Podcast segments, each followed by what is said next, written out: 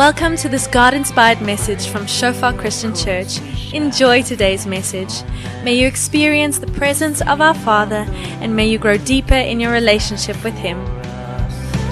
Oh Jesus, your love over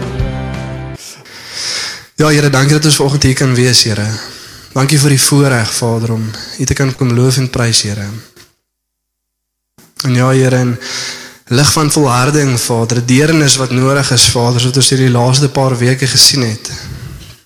Kom bid ek vanoggend, Here, dat soos dat ons by die toepassing van volharding kom, Here.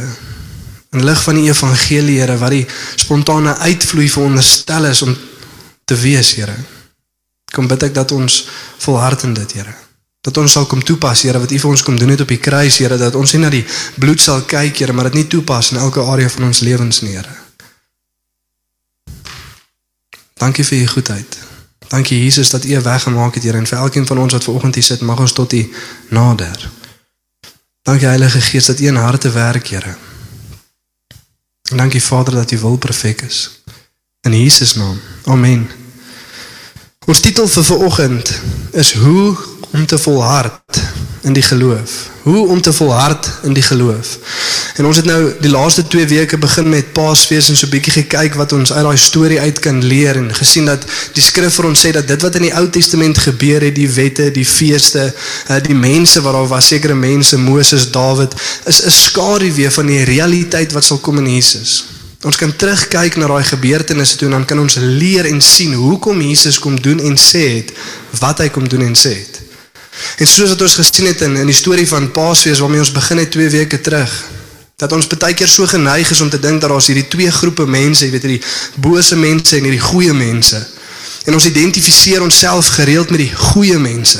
En dit is so maklik vir ons om die storie van die Exodus te lees en te dink dat God gaan die slegte Egiptenare straf en die onskuldige Israeliete verlaat, vrylaat uit hierdie land uit.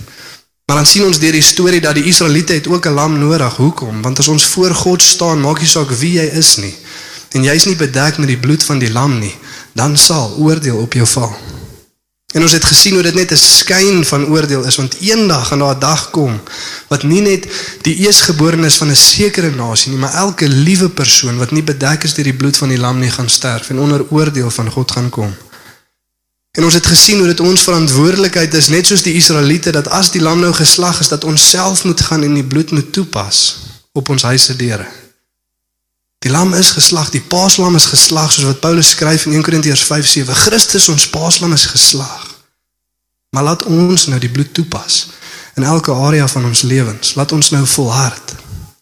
En ook dit doen op 'n manier wat God behaag. Net omdat die bloed aan die buitekant is, beteken dit nie jy kan doen wat jy wil aan die binnekant nie. Geloof is gehoorsaamheid en om God in gehoorsaamheid te volg is nodig. En laasweek het ons gekyk wat ons kan leer soos wat ons ook nou soos die Israeliete tussen Paasfees en die beloofde land is. Jesus het vir ons kom sterf en ons is op pad eendag wanneer Jesus terugkom om na die beloofde land toe te gaan, die hemel eendag saam hom. En te kyk uit Hebreërs 10 soos wat ons deurgewerk het wat ons daaruit kan leer en die een ding wat vir ons uitstaan, die een ding wat ons as mens nodig het is leidsaamheid, volharding. Ons het leidsaamheid nodig. Daar's so 'n neiging om goed te begin maar nie goed klaar te maak nie. En in die woorde van Jesus sê dit as dit kyk na die eindtyd wat gaan gebeur dan het ons volharding nodig. Die een wat volhard tot die einde toe hy sal gered word. En as ons kyk na die Exodus en die oorspronklike 600 000 mans wat Egipte verlaat het, dan sien ons dat net 3 gaan die beloofde land in. Maar hele generasie sterf in die woestyn omdat daar ongehoorsaamheid is teenoor God. En in lig van dit moet ons onsself die vraag vra, maar hoe kan ons volhard? En ons het laasweek gesien dat die oplossing wat die evangelie vir ons gee tot ons verharding is die mense wat nou langs jou sit vanoggend. Die gemeenskap van gelowiges wat konstant mekaar moet aanmoedig tot liefde en goeie werke. Soos wat Jesus sê in die eindtye gaan ongeregtigheid vermeerder en die liefde van baie gaan verkoel. En oor dit gaan baie mislei word en oor dit gaan baie wegval van die geloof af. En wat is ons geroep om te doen? Mekaar aan te spoor tot liefde en goeie werke. Die oplossing vir ons volharding sit reg langs ons, maar hoe pas ons dit toe? Hoe lyk dit prakties? In ons lewens. En ons gaan vandag bietjie daarna kyk en voordat ons by die praktiese toepassing kom, is daar iets wat ons moet verstaan vanoggend. Dat die boek van Jakobus sê vir ons in Jakobus 1 vers 21 tot 25, dit sê ontvang met nederigheid die woord van God wat jou siel kan red. En moenie net die woord hoor nie, maar doen dit ook, want die een wat die woord net hoor en nie doen nie, mislei homself of bedrieg homself. Dis soos 'n mens wat in 'n spieël kyk en jy sien wat fout is, jy sien waar ons probleem het as mens, jy sien die oplossing van die evangelie, maar jy pas dit nie toe nie en die oomblik as jy weggaan van die spieël af, vergeet jy hoe jy lyk. So die skrif sê dat elke keer as ons gekonfronteer word met 'n toepassing, met aksie wat deur ons geloof moet vloei, as ons dit nie doen nie, dan mislei ons onsself. Dan begin ons dink ons is iets wat ons nie is nie. En vanoggend gaan ons deur 'n paar baie basiese en eenvoudige toepassings van volharding werk. Goed wat eenvoudig is. Maklik om te doen, maklik om uit te voer. Elke liewe een van ons wat hier sit vanoggend het die vermoë om dit te doen. Maar die tendens gaan daar wees om dalk onsself te regverdig en so ook onsself te mislei. Jy sien dit werk so. Elkeen wat vir ons van ons wat vanoggend hier sit, sal seker saamstem met die volgende stelling: dat ons is Christene wat God deur geloof volg en hom graag wil gehoorsaam. Ek meen elkeen wat hierso sit sal saamstem met daai stelling. Ons is Christene, ons het geloof in God en ons wil graag God gehoorsaam. Maar nou hier's die ding. Wat gebeur as jy met iets in jou lewe sekere patroon van doen of iets wat jy dalk gedoen het of gedink het of as jy met 'n waarheid uit skrif uit gekonfronteer word wat wys na die teenoorgestelde toe? Wat dan? Wat gebeur dan en dit gebeur gereeld? sien ons wil graag glo dat ons mense is wat aktief God volg en altyd gehoorsaam is, maar wanneer ons gekonfronteer word met 'n waarheid van skrif, dit kan dalk iets wees wat ons nie geweet het nie. Jesus, Here, ek het nooit geweet ek moet hierdie doen nie of ek het nooit geweet dat hierdie is iets wat U van my verwag nie. Dit kan dalk die geval wees. Of miskien iets waarvan ons bewus is maar van vergeet het. Of miskien iets wat ons net nog nooit gedoen het nie. Jy sien wanneer ook al dit gebeur en dit gaan gereeld gebeur soos wat ons skrif deurlees. Soos wat die boek van Hebreërs hoofstuk 4 vir ons sê, die woord van God is lewendig. Tweesnydende swaard. Dit wys die intensie van ons hart vir ons uit. So wat gebeur as ons met hierdie waarheid gekonfronteer word? Wat gebeur as ons sien dat hier so 'n toepassing wat moet gebeur, maar ons is nie so gretig om dit te doen nie? Want die een van drie opsies. Die eerste een is is om dan te erken dat ek is dalk nie so gretig om God altyd te volg en te gehoorsaam nie en ek word gekonfronteer met die waarheid en ek weet dat ek doelbewus nou net gaan aanhou Sondag.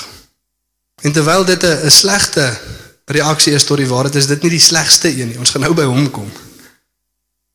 Die beste een is om te gekonfronteer word met die waarheid en te bely en te bely. Here, ek sien dis wat U van my verwag. Ek sien dis nie in my lewe nie. So ek bely my sonde voor U en ek bely myself met U woord. Dis die beste reaksie. En dit gaan konstant gebeur soos ons met die woord van God gekonfronteer word. En dan die derde opsie, dis die slegste een, is om jouself te regverdig. Die oomblik as ons onsself regverdig, dan mislei ons onsself. En ons doen dit in een van twee maniere. Of ons water die woord van God af en sê nee, die skrif sê nie dit regtig nie of verwag nie dit regtig van my nie of ons hoef nie regtig hierdie te doen nie. Dis die een. En die ander een is ons begin onsself oortuig dat omdat ons in ander areas so goed is dat ons nie regtig hierdie een hoef te doen nie. Ek weet nie wie van julle dit al geervaar het nie. En as ons eerlik is met onsself, dan sal ons dit kan raak sien. Maar die probleem is ons doen dit ook nie bewustelik nie. Ons doen dit baie onbewustelik. 'n Goeie voorbeeld as jy dalk aansoek doen vir 'n werk en jy dink jy's bekwam en jy's die beste kandidaat en hier is 'n goeie werk. Jy gaan hom nou kry. En jy kry nie die werk nie. Nou as jy gekonfronteer met die realiteit dat jy was dalk nie die beste kandidaat nie, nou is dalk iemand anders beter as jy. En dis ongemaklik. Want dit belei nie met die persepsie wat ek van myself het nie. En dan wat is ons geneig om te doen? Ag, daai ou wat die onderhoud gedoen het was in elk geval 'n aap. En daai werk is eintlik nie so so nice nie. Ons eintlik 'n ander beter werk. En ons doen dit, maar ons sê nie vir onsself om myself nou te laat beter voel, gaan ek vir myself die volgende storie vertel sodat ek kan beter voel oor myself nie. Ons doen dit nie. Maar as wat ons gereeld doen, so soos wat ons hier deurwerk, deur hierdie praktiese toepassing van volharding wat ons moet doen in lig van die evangelie, moenie jouself regverdig nie. Gaan eerder doelbewus aan wetend dat jy iets nou intentioneel en aktief verkeerd doen konstant. As wat jy jouself mislei. En veral as dit kom by die gemeenskap van gelowiges. Want partykeer mislei ons onsself of ons regverdig onsself, ons verwyder onsself van gemeenskap en die mense wat veronderstel is om daai misleiding uit te wys is nou nie meer daar nie. Want ons is dit self verwyder van gemeenskap. So kom ons lees lekker deur en kyk wat ons kan leer. Selfde stuk skrif as laasweek Hebreërs 10, maar in plaas van vers 19 tot 36 gaan ons net kyk na vers 19 tot 25, die toepassing van die evangelie. Kom ons lees saam. Vers 19 Terwyl ons dan broeders vrymoedigheid het om in die heiligdom in te gaan deur die bloed van Jesus op die nuwe en lewende weg wat hy vir ons ingewy het deur die voorhangsel heen. Dit is sy vlees. En ons 'n groot priester oor die huis van God het laat ons toetree met 'n waaragtige hart en volle geloofsversekerheid. Die harte deur besprinkeling gereinig van 'n slegte gewete en die liggaam gewas met rein water. Laat ons die belydenis van die hoop onwankelbaar vashou want hy wat dit beloof het is getrou. En laat ons op mekaar ag gee om tot liefde en goeie werke aan te spoor. En laat ons ons onderlinge byeenkomste nie versuim so sommige die gewoonte het nie, maar laat ons mekaar vermaan en dit dis te meer na mate julle die dag sien naderkom. So kom ons werklike deur om vers vir vers, vers 19 tot 21. Hier is die oplossing van die evangelie. Hier is die werk van Jesus Christus. En die skrif sê vir ons omdat Jesus hierdie gedoen het, kan ons die volgende doen. Oor hierdie 3 verse is die volgende 3 verse moontlik en dit sê terwyl ons dan broeders vrymoedigheid het om die heiligdom in te gaan deur die bloed van Jesus Dit beteken die allerheiligste van die tempel, daar waar die teenwoordigheid van God was in die Ou Testament. So het ons gekyk het na daai skadubeeld wat nou hier vir ons gewys was. En die nuwe en lewende weg wat hy vir ons ingewy het, dis deur die voorhangsel heen, dit is sy vlees. Die voorhangsel was dit wat die allerheiligste geskei het van die res van die tempel en toe Jesus gekruisig was die dag het hy van bo tot onder reg deur geskeer om te sê dat as gevolg van Jesus kan ons nou ingaan en God se teenwoordigheid ervaar. En ons het 'n groot priester oor die huis van God, dis Jesus Christus. En soos wat ons na hierdie stuk skrif kyk, soos wat ons kyk wat Jesus vir ons daar kom doen het in vers 19, 20 en 21. Moet ons besef en onsself ook die vraag vra vir oggend dat as ons dink aan dit wat God van ons verwag as Christene, is dit vir ons 'n plig? Is dit 'n swaar las wat ons dra? Of sien ons dit as 'n vreugdevolle en blydskap gevulde voorreg wat ons het omdat Jesus gedoen het wat hy gedoen het. Daar wens dit volgende antwoord gee vir jouself daai vraag. As jy dink aan die Christelike lewe, as jy dink aan dit wat God van jou verwag, om aktief in die woord in gebed en lofprysing, om aktief saam te kom as gemeente, sien jy dit is 'n plig wat vir jou baie swaar is? Of sien jy dit as 'n vreugdevolle, blydskapgevulde voorreg omdat Jesus gedoen het wat hy gedoen het? Want daar's 'n verskil. Jy sien, en so maklik verval ons in hierdie pligmentaliteite dat dit is maar net iets wat ek moet doen. En wanneer dit gebeur, is jy besig om vir jouself te sê dat ek moet verdien wat Jesus eintlik vrylik wou gee. Maar as ons besef dat Jesus dit vrylik gegee, soos wat Belien gedeel het, ons was daar in die varkhok vuil. Al wat ek kan bring is leë vuil hande, hulle is leeg en hulle is vuil ook. Maar God gaan my nog steeds aanvaar. Dan is dit 'n vreugdevolle voorreg wat ek het om God te kan dien. Maar as ek dink dat ek met myself bewys en hard werk sodat ek gered kan wees, dan sien ons dit as hierdie swaar plig wat ons het om God konstant tevrede te stel. En om te verstaan wat hier gebeur met ons bietjie nie kop van die Jood in die Ou Testament inklim En dan sê die stuk skrif vir ons, in lig van dit omdat Jesus gedoen het wat hy gedoen het, kan ons nou die volgende 3 goed doen. En die eerste 2 is laat ons toetree, vers 22. Met 'n waaragtige hart en volle geloofsversekerheid. Die harte deur besprinkeling gereinig van 'n slegte gewete en die liggaam gewas met rein water. Laat ons die belydenis van ons hoop onwankelbaar vashou, want hy wat dit beloof het, is getrou. En hierdie gee vir ons daai val daai vers 22 en vers 19 tot 22 'n skynbeeld van die tempel in die Ou Testament. Van wat daar besig was om te gebeur. En dit verduidelik ook weer vir ons die volgorde van die doop. Ek weet nie wie van julle dit hier raak sien nie. Maar dit sê dan laat ons toetree met 'n waaragtige hart in volle geloofsversekerheid, die harte besprinkel, eh, die harte deur besprinkeling gereinig van 'n slegte gewete en die liggaam gewas met rein water. Sien die hele tes, Ou Testament wys na dit toe. Selfs die Exodus. Wat het eers gebeur? Die paaslam was geslag en die bloed van die lam was toegepas op die huis. Dan wat was die eerste stap van geloof wat Israel moes doen? Hulle moes deur die Rooi See gaan. 1 Korintiërs 10 vers 2 sê vir ons dat hulle almal was in Moses ingedoop deur die wolk en deur die see. Eers kom die toepassing van die bloed van die lam, dan kom die doop deur die see, dan is ons in die wildernis en ons bedieningswerk op pad na die beloofde land toe. Selfs hierso in die tempel.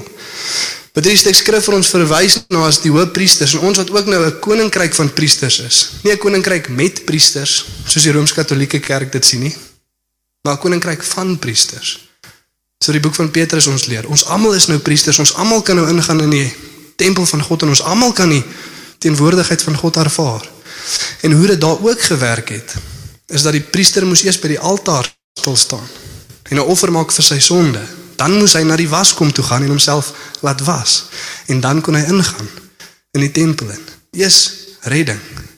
Eerste stap van geloof die doop en dan begin ons met ons bediening werk. Selfs in die lewe van Jesus. Hy het net nie offer vir sonde nodig gehad nie. Maar na sy doop begin hy sy publieke bediening. Dit is die volgorde wat ons hierso volg. Maar hierdie wys vir ons iets wat ons nou weer eens uitbeeld as gelowiges wat by mekaar kom. So wat ons laasweek gesien het, hoekom is dit so belangrik vir ons om by mekaar te kom? In hierdie stuk skrif sê God, kom gereeld by mekaar uit.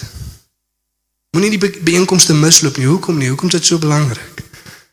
En ons het laasweek gesien want ons herinner onsself wat ons besig is om uit te beeld dat soos Israel uit Egipte uitgeroep was om God in die woestyn te gaan dien, soos ons ook die uitgeroepte volk van God uit hierdie wêreld uit om saam te kom en om te loof en te prys. En soos wat God in kragtige manier saam met hulle was, soos wat hulle uitbeweeg het, soos hy ook nou in 'n kragtige manier saam met ons as ons bymekaar kom. Ja, hy's by ons as individue, maar hy sê daar waar twee of drie in my naam vergader, daar's ek by hulle. En hy sou dit nie gesê het as dit nie 'n spesiale manier was nie.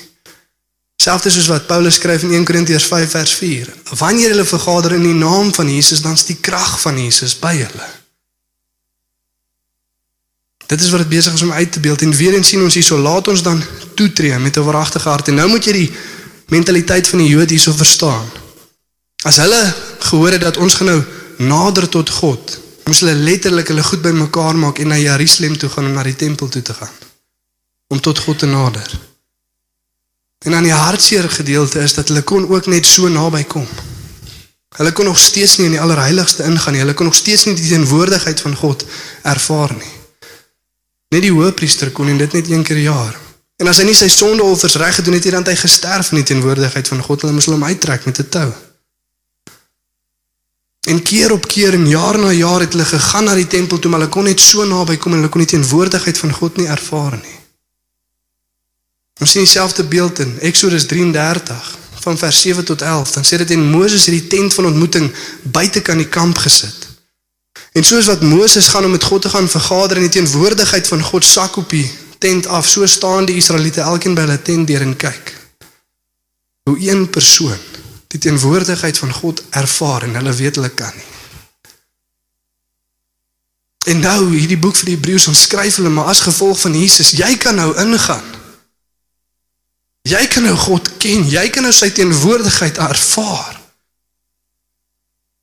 En dan beleef hulle die vreugdevolle, blydskap gevulde voorreg wat hulle het om te kan ingaan. En partykeer omdat ons groot geword het in hierdie kant van die kruisiging van Jesus, neem ons dit van selfsprekend. Ons verstaan nie die voorreg om te bid in die naam van Jesus Christus nie teenwoordigheid van God ervaar nie. Ons verstaan nie die voorreg om die woord van God oop te maak en deur die Gees gelei te word om as gelowiges bymekaar te kom, ons hande op te lig in lofprysing. Sodat ons die teenwoordigheid van God ervaar en aanskou. Voorreg wat ons het. Ons kan nou tot God nader. En dan sê dit daarin laat ons die belydenis van ons hoop onwankelbaar vashou, want hy wat dit beloof het is getrou.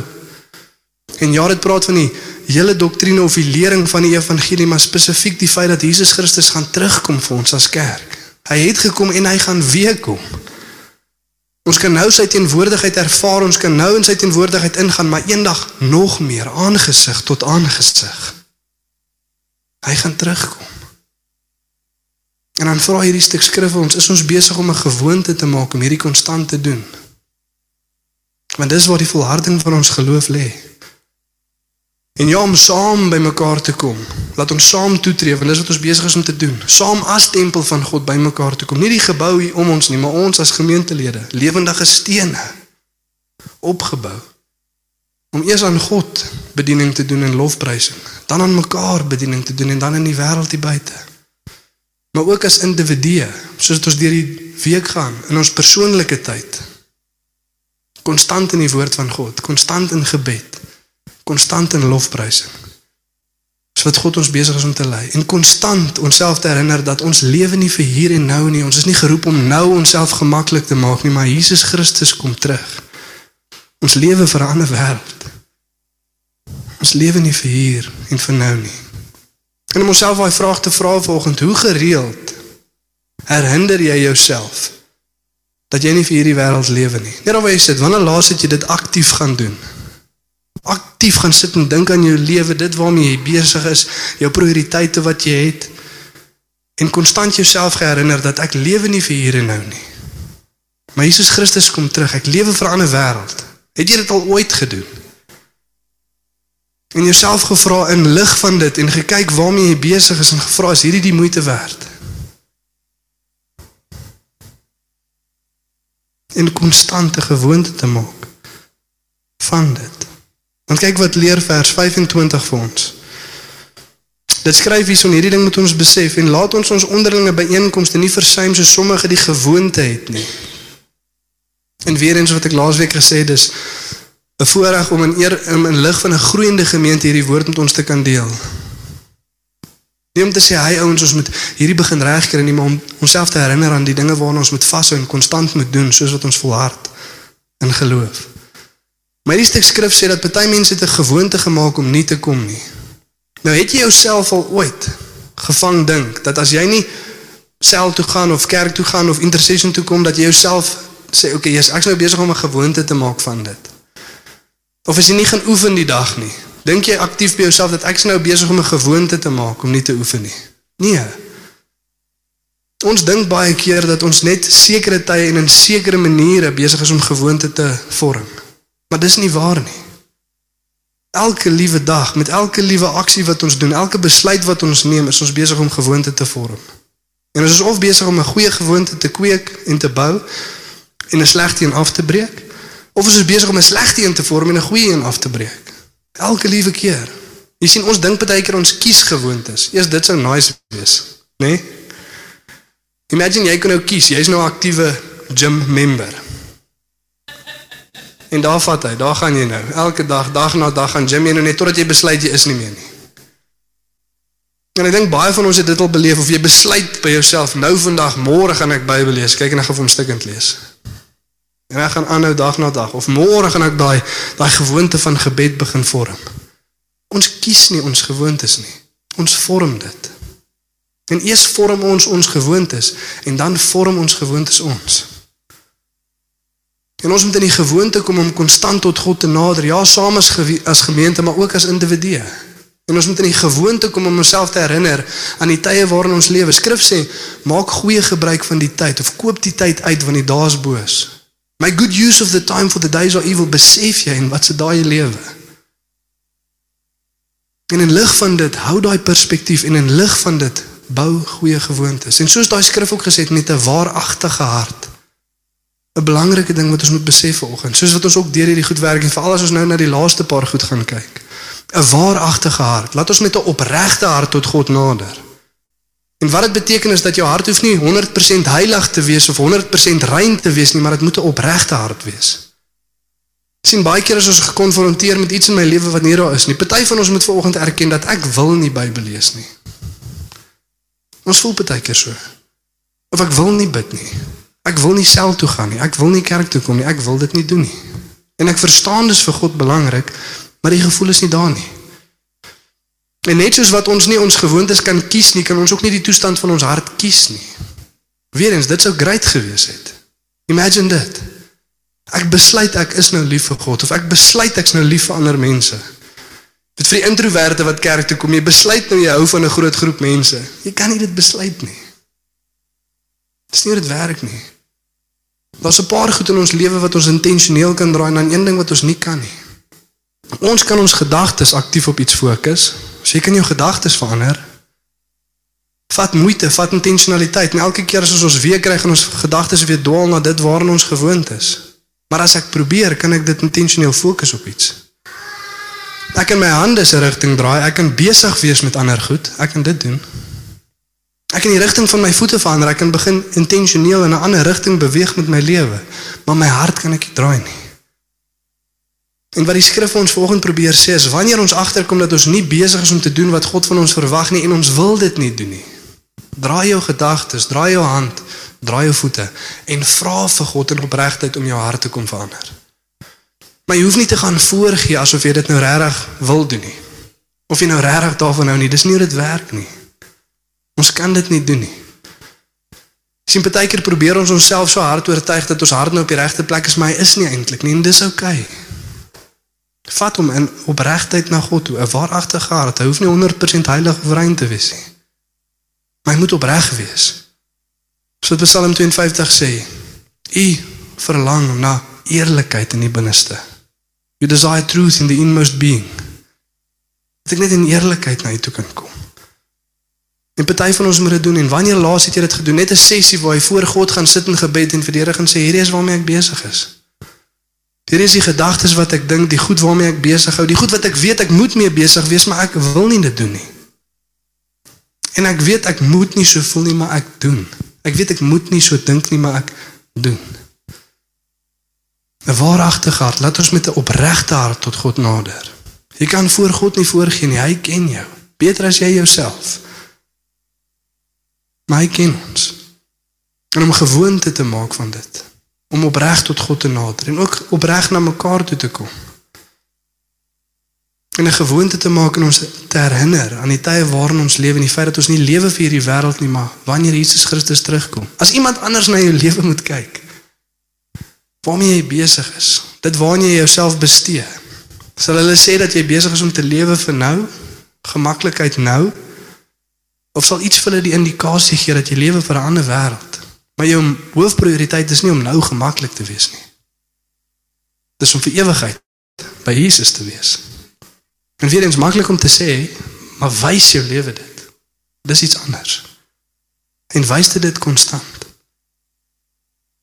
Ons sien in die skrif sê vir ons hierso in vers 24 en 25 dan leer dit vir ons 'n paar goeters van wat ons kan doen om hierdie gewoontes te vorm Daai woord gewoonte daar's ethos, is a custom or habit.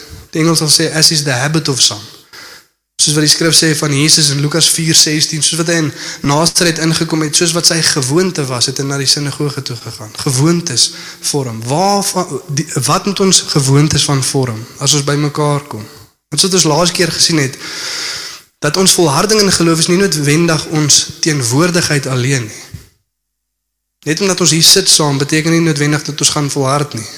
Net omdat ons hier saam sit beteken nie noodwendig ons gaan groei nie. Net soos die mense in die woestyn. 600 000 het dit nie gemaak nie, almal het dood gegaan en hulle was saam in die woestyn. So teenwoordigheid alleen is nie altyd wat nodig is nie, maar wat is nog nodig? Ons kan dit in 4 dele opdree, opdeel. Die eerste een is voorbereiding. Vers 24 sê dit en laat ons op mekaar ag gee om tot liefde en goeie werke aan te spoor. Die nuwe lewende vertaling sê laat ons voortdurend aandag gee aan mekaar. Die Griekse woord is die woord kateneio. To consider or contemplate. Weet nie wie van julle het al oor daai Griekse standbeeld gesien van die ouetjie wat so staan met sy hand teen sy kop nie. Maar dis die naam van daai standbeeld, kateneio. To put your head down and think. Om in ag te neem, voorbereiding. Nou dit moet ons doen in ons persoonlike toewyding aan God, maar ook in ons gesamentlike toewyding aan God. En nou weer eens is die vraag, die skrif sê dat wanneer ons by mekaar kom, soos wat jy self toe gaan, soos wat jy kerk toe kom, jy het 'n gawe. Jy het iets in jou wat jy veronderstel is om te gebruik om die mense om jou aan te moedig tot liefde en goeie werke. Jy het 'n gawe in jou wat die mense om jou kan opbou. En het jy intentioneel voorberei vir dit wat God wil hê moet doen? Of daag jy maar net by kerk op? Of berei jy voor? As jy aktief besig om van God te vra, Here, ek wil myself oopmaak vir dit wat U in my wil kom doen, maar ook vir dit wat U deur my wil kom doen. Jy sien, dis die verskil wat ons laas keer gesê het van hoe twee mense in 'n byeenkoms kan sit en die een persoon is so geverander en so aangeraak deur die teenwoordigheid van God en die persoon langs hom wonder hoe lank gaan ons nog wees. Hoe gebeur dit? Die een het voorberei, die een is intentioneel rondom dit wat God wil doen in hom, maar ook deur hom. Die vrugte in jou lewe. Sien, hierdie is een van die grootste skuwe wat ons moet maak as Christene. Jesus sê deur die liefde wat ons vir mekaar het, sal die wêreld weet dat ons sy disippels is. Dit moet 'n kenmerk wees van 'n Christen. Sy liefde verander. Ons lewe in 'n wêreld wat 'n individualistiese mentaliteit aan ons heeltyd probeer voorhou. 'n Verbruikersmentaliteit heeltyd aan ons probeer voorhou. So waantoe jy gaan en wat jy doen, doen jy want jy hou daarvan en jy's tevrede daarmee en jy kry wat jy wil hê. Jesus sê dis nie ons bymekaar kom as gemeente nie. Ons dink aan die mense om ons. En vanoggend moet ek ook vir ons sê dat as ons nie gereeld ander in ag neem nie, dan moet ons ons op ons verlossing ag neem. As jy nooit ander mense in ag neem nie, as jy nooit konstant dink aan die gemeenskap van gelowiges en hoe jy hulle kan bemoedig tot liefde en goeie werke nie, hoe jy 'n pad van disippelskap saam met hulle kan stap nie. As jy nooit dink aan die wêreld daar buite en hoe ons hulle kan bereik met die evangelie nie, dan moet jy jou verlossing in ag neem. Want miskien het 'n werk nooit gebeur nie. Want Jesus sê om hom te volg, as jy die die wet wil opsom in twee groot stellings, dan is dit om God lief te hê met alles in ons en ons naaste soos onsself. En dit word die hele wet volbring. 'n Liefde vir ander. 'n Liefde vir God. Is dit waar van ons? Vra ons onsself daai vraag. Jy sien, party mense groei nooit. Sit vir jare lank in 'n gemeente, maar groei nooit. Die persoon wat hulle 5 of 10 of 3 of wat ook al jaar terug was, is nog steeds die persoon wat hulle vandag is. En weer eens as jy vanoggend hierso sit en jy dink aan jou geestelike groei, is jy tevrede daarmee? Het jy al gegroei? Weet jy wat jou gawe is? Is jy besig om dit uit te leef? En hoe ons die antwoord op daai vraag kry is om verby onsself te kyk na die mense om ons toe. Die gawe wat jy het is nie vir jouself nie. Ek is nie geroep om vir myself in die spieël te gaan kyk en preek nie. Dit sal vreemd wees. Die vrug wat ons dra in ons lewe is nie vir ons net. Jy al ooit 'n boom sien sy eie vrugte eet. Dis kannibalisme, dis weird. Moenie dit doen nie. Maar die vrug wat jy dra is nie vir jou nie. Dis vir die mense om jou. Die gawe wat jy het is nie vir jou nie, is vir die mense om jou. En wanneer jy aktief begin fokus op die mense om jou, dan begin jy groei. Hoekom? Want dis hoe God dit gekies het. Dit sê in Filippense 2, hê die gedagte in jouself. I have this mindset about yourself, so die Engels sal sê wat in Jesus Christus was en moenie net aan jouself dink nie, maar dink aan die mense om jou. Moet niks uit selfsug of eersug doen nie, maar nederigheid aanskou die mense om jou as hoër as jouself. Net in jou eie belange dink jy maar die belange van die mense om jou. Voorbereiding. Waar is die beste plek om saam te kom en voor te berei vir 'n diens of 'n sel? Voorbidding. Ons bid saam op maandagaande, dis wat ons besig is om te doen. Ons is besig om in gebed voor te berei vir wat God wil doen in en deur ons. Here, wat is dit wat U sê? Wat wil U kom doen in en deur ons? As ons saamkom kwart voor kwart oor 8 om saam te bid vir die diens, wat doen ons? Ons berei voor. Ons sê ons wil nie net opdaag om te kon ontvang wat ons wil hê nie, maar ons is intentioneel hierso om ook onsself bereikbaar te stel vir wat U deur ons wil doen. As jy jouself wil voorberei, raak deel. Toewyding. En 'n ons moet 'n gewoonte maak van voorbereiding. Versel. Jy sien ons is nie net die kerk as ons bymekaar kom of jy's nie net jou selgroep as jy by jou selgroep sit nie. Jy is altyd 'n selgroep. Ons is altyd die gemeenskap van gelowiges en om konstant mekaar ag te gee is nodig. Dan punt nommer 2 waarvan ons 'n gewoonte moet maak, teenwoordigheid. Vers 25. En laat ons ons onderlinge byeenkomste nie versuim so sommige die gewoonte het nie. As ons nou in gebed tot God gegaan het en gevra het, hoe kan ons die mense om ons stig tot liefde en goeie werke, dan moet ons eintlik teenwoordig wees om dit te kan doen. En om 'n gewoonte te maak van dit. Jy sien party mense, en ek dink nie ons kom dit agter nie, maar COVID en deur hierdie tyd van isolasie waardeur ons gegaan het, het ons in die gewoonte gekom om nie by mekaar te kom nie. Het ons in die gewoonte kom om die video af te sit en die mute knoppie te druk. Is julle met my? Weet nie of as julle al op Zoom meetings dan vra hulle, ag wil julle nie julle video aansit nie. Dis 'n bietjie kyk hoe lyk julle gesigte. Of unmute, kom ons sê deel. En dis iets wat ons geleer was in die gewoonte van gekom het. En party mense moet weer dit afleer en 'n gewoonte maak van intentioneel bymekaar kom. En 'n gewoonte maak daarvan. Wat wat sê ek nou? Moet jy nooit op Sondag op vakansie gaan nie? Obviously nie. Christen gaan nie op Sondag op vakansie nie. Ek maak net 'n grappie. Dis nie wat ek sê nie. Mag jy ag daarop en berei voor. As jy iewers anders heen gaan, jy gaan Sondag in 'n ander dorp wees, dan is daar ook 'n gemeenskap van gelowiges daar. Né? Nee? En ons is nie die enigste kerk in die land nie. Daar's kerke oral.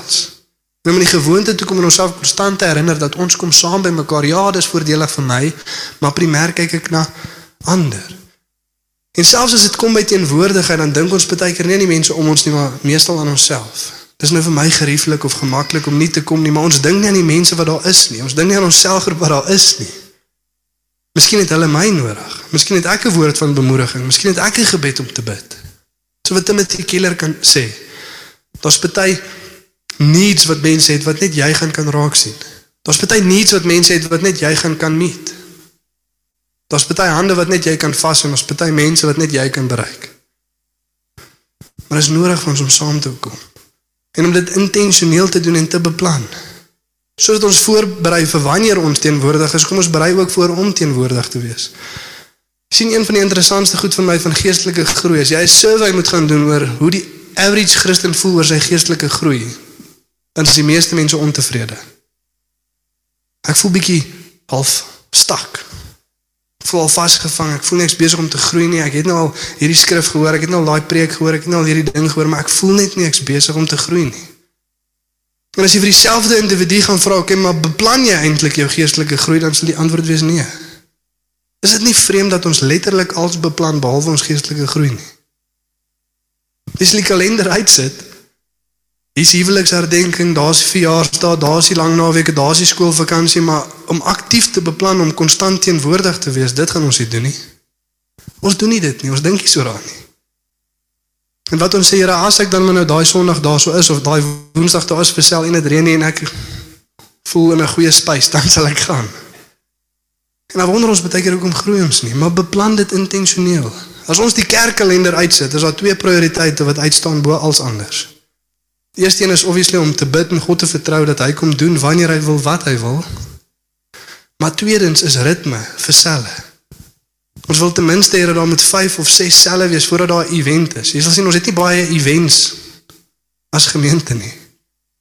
Hoekom? Want ons moet konstant by mekaar uitkom. Dit gaan nie oor wat ons noodwendig altyd van vooraf kry vir die ding wat ons sien of vir die ding wat ons beleef nie, maar wanneer ons saamkom om mekaar op te bou. Daar lê ons groei. Beplan dit.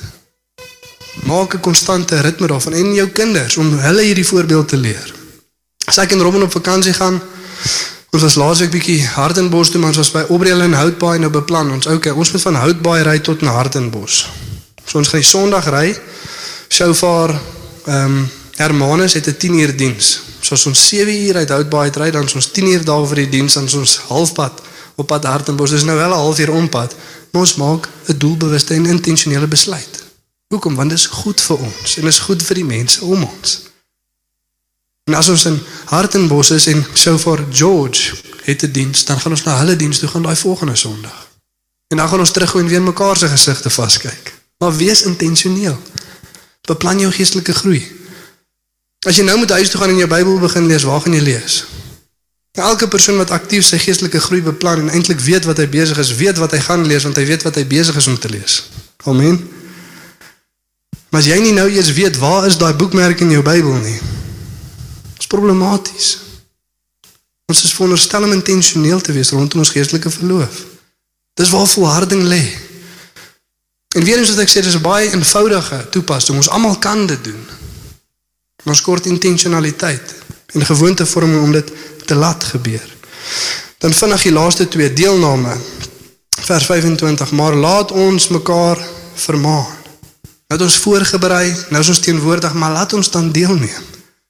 Bring jou gawe. Bid jou gebed. Gee jou bemoediging. Bring jou woord. Maar laat ons deelneem daar waar ons is.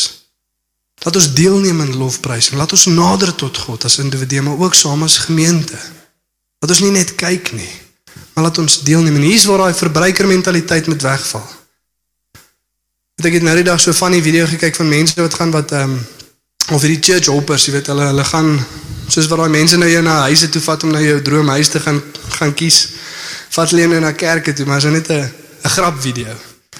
Dan nee, hierdie ou, verstaan, hierdie pastoor is te jonk, daai een is te oud, hierdie een praat te vinnig, daai een praat te stadig, hierdie een lees nie altyd die stukke skrif wat ek wil hê hy moet lees nie. Hier's die worship hard, daar's dit te sag, hierdie liedjies like ek nie. En baie keer dink ons so.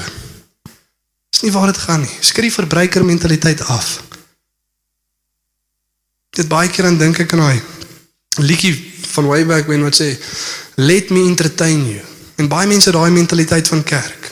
Die gemeenskap vir gelowiges is nie hier vir jou vermaak nie, maar vir jou geestelike groei en volharding in geloof. Maar ons is nie hier om mekaar te vermaak nie. Ons is nie hier om te sê wat vir ons gemaklik en lekker is en die liedjies te sing wat almal van hou nie. Ons is hier om God die eer te gee, hom glorie te gee en mekaar op te bou tot liefde en goeie werke. Amen. Om te groei en te volhard in die geloof. En in lig van laasweek se woord jy twee opsies. Of jy is besig om te groei in ongeregtigheid en jou liefde is besig om te verkoel, of jy is besig om te groei in goeie werk en geloof en jou liefde is besig om te groei. Dis die twee opsies. Daar's nie 'n derde middelpunt nie. Daar's nie 'n passief net sit in my tuin nie. Of ons groei in ons volhard of ons val terug en ons word passief. Amen. Maar ons volhard, ons druk vorentoe. Ons is nie hier vir vermaak nie maar vir groei en volharding. Dan die laaste een, perspektief. En dit dis te meer na mate jy die dag sien nader kom. So wat ons laasweek gesê het, Jesus sê al hoe meer die eindtyd nader kom, gaan ongeregtigheid al hoe meer toeneem en die liefde van baie meer verkoel. Baie gaan mislei word, baie gaan wegval. En dit dis te meer die dag sien nader kom, is ons geroep om mekaar al hoe meer aan te moedig tot liefde en goeie werke. En nou in lig van dit as een van hierdie waarhede jou konfronteer vanoggend om gereeld bymekaar te kom as gemeente om intentioneel te wees by ons samekoms om intentioneel tot God te nader as individu om tyd in die woord tyd in gebed met 'n waaragtige hart vir God te nader. As hierdie waarheid jou konfronteer vanoggend moet nie jouself regverdig nie. Ons is geneig om dit te doen. En wat is een van die grootste regverdigings in ons moderne wêreld? Oek ek so besig. Besig besig besig. Mense dink amper as al iets fout met jou as jy nie so besig besig is nie. Maar God het jou nie so besig gemaak nie. As God hierdie van jou verwag, as hy wil hê jy moet tyd in sy woord, tyd in gebed, tyd in gemeenskap spandeer, gaan hy jou nie te besig maak sodat jy dit nie kan doen nie. Amen. So dit beteken dat jou prioriteite is nie reg nie. Of jy is besig met iets waarmee jy nie moet besig wees nie. En wat ook al dit is, bely en belyn. Dis noodsaaklik vir jou volharding. Of as jy by jouself dink ag volharding in die geloof is regtig nie so groot ding vir my nie en ek is okay om weg te val en mislei te word, gaan dan aan. Maar verstaan die belangrikheid van dit. En net vir ons as individue nie, maar ook vir ons as gemeente. Amen. As 'n storie en ek sluit vir ons af daarmee, gaan ons nagmaal gebruik. In Lukas 10, die goeie Samaritaan. Die meeste van ons is bekend met die storie en hoe die storie begin. En baie keer dan dink ons die storie is daar om vir ons te wys hoe om 'n goeie buurman te wees. Maar die storie begin met 'n vraag. 'n Wetgeleerde wat opstaan en vir Jesus vra wat is die grootste gebod? En Jesus sê vir hom, "Hoe lees jy dit?" En hy sê hom, "God lief hê met alles in jou naaste soos jouself." En wat sê Jesus? "Reg so, gaan doen dit en jy sal lewe." En wat sê die man? En om homself te regverdig, vra hy toe, "Wie is my buurman?" Ek verstaan ek het dit baie keer reg en ek's lief vir baie mense wie ek regtig wil maar om homself te regverdig. En Jesus vertel te vir my storie om hom te wys dat hy is besig om homself te regverdig en hy's nie besig om te doen wat God wil hê hy moet doen nie. Dis die probleem met selfregverdiging. Ons dink ons is iets en ons dink ons doen goed wat ons nie eintlik doen nie. Selfs met die ryk jong man. Kom ook by Jesus. Wat moet ek doen om die ewige lewe te verkry? Wat sê Jesus vir hom? Onderhou die 10 gebooie. Die ryk jong man sê ek het al hierdie goed gedoen vandat ek klein is. En Jesus sê okay, kom ons toets dit. En Jesus het hom kyk en hom liefgeen het gesê, jy kom een ding kort, gaan verkoop alles wat jy het. Met ander woorde, wys dat jy die eerste gebod onderhou. Naaste my sal jy geen ander god hê nie. Ook nie geld nie. En gaan gee dit vir die armes. Wys dat jy lief is vir jou medemens. En die ryk jong man het hartseer weggestap. En in sy misleiding het hy gedink hy's iets en gedink hy doen iets wat hy toe nie gedoen het nie. Laat ons nie dieselfde doen vanoggend nie. Maar kom ons maak 'n gewoonte van dit wat God van ons verwag in lig van die evangelie en sien dit nie as 'n plig nie, maar as 'n voorreg om tot God te kan nader.